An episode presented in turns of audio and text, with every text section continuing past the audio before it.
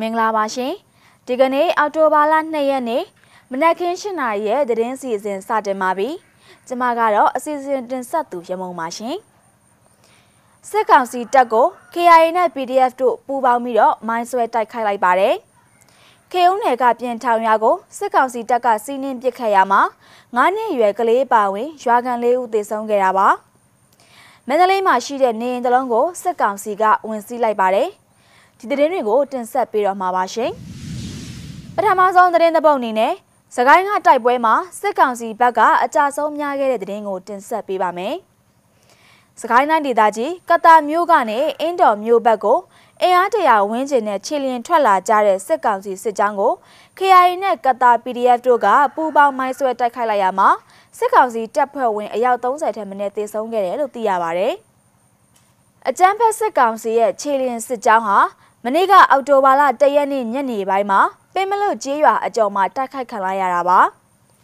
ဟုတ်ပါတယ်မိုင်းရှစ်လုံးခွဲတာအားလုံးအောင်ပါတယ်ပဒေတာဆွဲမိုင်းနဲ့လေးဆိုင်ဆွဲတာပါမိုင်းဆွဲပြီးချက်ချင်းဆုတ်လာတာပါလို့ကတာပြည်သူ့ကာကွယ်ရေးတပ်ဖွဲ့ကတာဝန်ရှိသူတို့ကပြောကြားခဲ့တာပါ အခုလိုမိုင်းဆွဲတိုက်ခိုက်တာကြောင့်အကြမ်းဖက်စစ်ကောင်စီတပ်ဖွဲ့ဝင်အယောက်30ထက်မနည်းတေဆုံးကြောင်းကိုလည်းအမျိုးသားညီညွတ်ရေးအစိုးရ NUG ရဲ့ကာကွယ်ရေးဝန်ကြီးဌာနကသတင်းထုတ်ပြန်ထားပါတယ်ရှင်။ဒုတိယသတင်းတစ်ပုဒ်ကိုတော့စကိုင်းမှာပဲစစ်ကောင်စီရဲ့ရန်တမ်းပစ်ခတ်မှုကြောင့်အသက်သေဆုံးခဲ့ရတဲ့ဒေသခံတွေရဲ့အကြောင်းကိုတင်ဆက်ပေးပါမယ်။စကိုင်းတိုင်းဒေသကြီးခင်ဦးမြို့နယ်အတွင်းမှာရှိတဲ့ရွာတရာကိုစစ်ကောင်စီတပ်တွေကအင်အားသုံးပစ်ခတ်ရမှာ အသက်9နှစ်အရွယ်မိန်းကလေးငယ်တအူးအပါအဝင်ရွာသားလေးဦးကြီးထိမှန်တေဆုံးသွားခဲ့တာပါခင်ဦးမြို့နယ်ပြင်ထောင်ရွာမှာပြည်သူ့ကာကွယ်ရေးတပ် PDF တွေကိုတင်နန်းပေးနေရလို့ဆိုပြီးတော့မနေ့ကအောက်တိုဘာလ1ရက်နေ့မနက်9နာရီအချိန်လောက်ကနေစပြီးတော့စစ်ကောင်စီတပ်အင်အား200လောက်ဝင်ရောက်လာကသူတို့ရဲ့ပြစ်ခတ်မှုကြောင့်အသက်9နှစ်အရွယ်မက်မျိုးတနာလိုက်အသက်33နှစ်အရွယ်ကိုထုံးစီ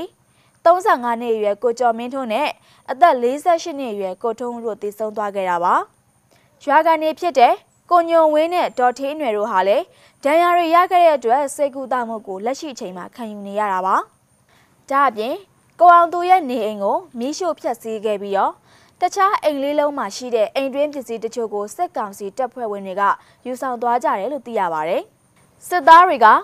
ရွာလန်းရှိနောက်ကနေပိတ်ပြီးတော့ဝင်စီးတာ မနက်အစောကြီးဘာမှမစားရသေးပဲ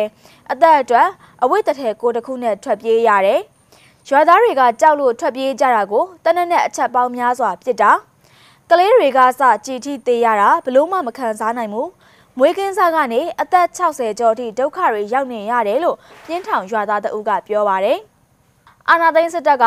နေ့လယ်ပိုင်းအချိန်ရွာကမထွက်ခွာခင်မှာဒီရွာကိုပြန်လာစီးအောင်မယ်လိုချင်တဲ့သူတွေမရမချင်းလာဖမ်းမယ်လို့ရွာသားတွေကိုပြောသွားခဲ့သေးတာပါပြင်ထောင်ရွာအနီးတဲဆုရွာလမ်းဘေးမှာရှိတဲ့နေအိမ်တွေစီကနေလေ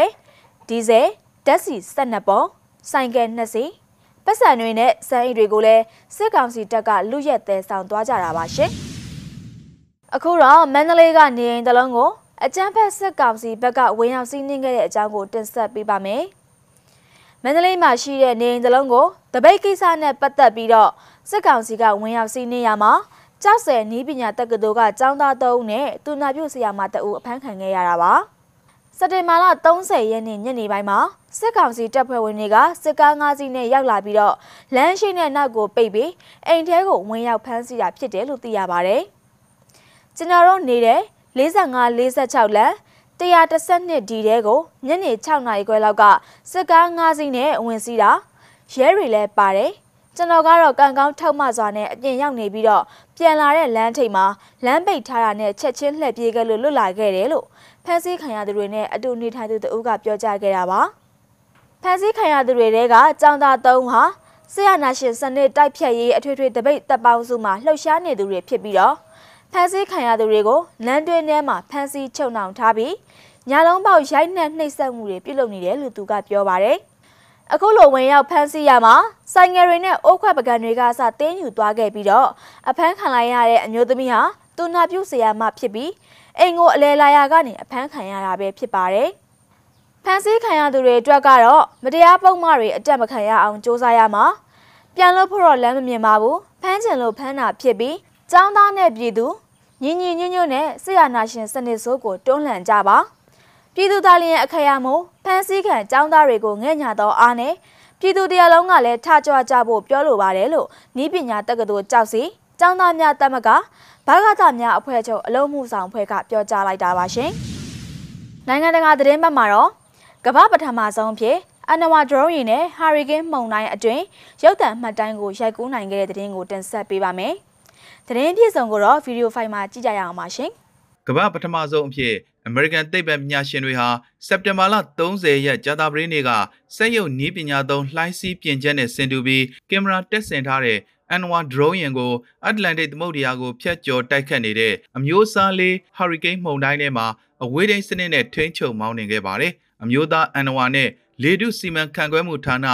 NOAA ကထုတ်ပြန်ခဲ့တဲ့ရုပ်သံတစ်ခုမှာအဆိုပါ drone ယာဉ်ဟာတနအီလေးတိုင်နှုန်းမိုင်120ရှိတဲ့ Hurricane မုန်တိုင်းအတွင်းပေ90အမြင့်ရှိတဲ့လှိုင်းလုံးတွေကြားမှာလွင့်လူးရွေရှားနေတာကိုတွေ့မြင်ရပါတယ်။လိုလျောက်ရွေရှားတဲ့အဆိုပါ drone ယာဉ်ကို Sea drone လို့အမည်ပေးထားပြီးအလားတူနာမည်ရှိကုမ္ပဏီကတိစောက်ခဲ့ပါတယ်။ အလယ်က23ပေရှိပြီးလေအားနဲ့ရွေ့လျားတဲ့၎င်းယာဉ်မှာ data တွေကောက်ယူနေစဉ်အတွင်းလှိုင်းတန်လေတန်ကိုကြံ့ကြံ့ခံပေးမဲ့ Hurricane တောင်ပံအမည်ရပစ္စည်းတစ်ခုတက်ဆင်ထားတဲ့အတွက်အပြက်စွမ်းအားကြီးတဲ့မှုန်တိုင်းအကြောင်းကိုပုံမူသိရှိလာစေဖို့သိပ္ပံပညာရှင်တွေအတွက်အထောက်အကူပြုမှာဖြစ်ပါတယ်။ Sail Drone Company website မှာတင်ထားတဲ့အချက်လက်တွေအရ၎င်း drone ယာဉ်ဟာလေးတိုင်နှုံးနဲ့ရက်ညွန်းလေထုဖိအားအပူချိန်စားငံရီပြင်းအား လေထုဆိုထိုင်းစာအစရှိတဲ့အတိုင်းအတာအချက်လက်တွေကိုမှတ်တမ်းတင်ပေးနိုင်တယ်လို့ဆိုပါတယ်။ဟာရီကိန်းမုန်တိုင်းတွေရုတ်ကြီးအင်အားပြင်းထန်လာနိုင်မလားဆိုတာခံမှန်းနိုင်တဲ့မိုးစလဒရုန်းယာဉ်တွေဖွံ့ဖြိုးအောင်လုပ်ဖို့မျှော်လင့်ထားကြောင်း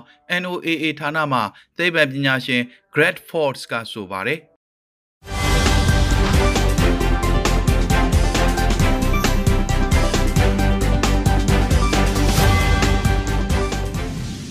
အော်တိုဘာလ2ရက်နေ့ မနက်ခင်း၈နာရီထိနောက်ဆုံးရရှိခဲ့တဲ့သတင်းတွေကိုတင်ဆက်ပေးကြတာပါကြည့်ရှုနားဆင်ပေးခဲ့တဲ့အတွက်ကျေးဇူးတင်ပါတယ်အားလုံးပဲကျမ်းမာရှင်လန်းတဲ့တနေ့တာခရီးကိုဖျက်ဆီးနိုင်ကြပါစေရှင်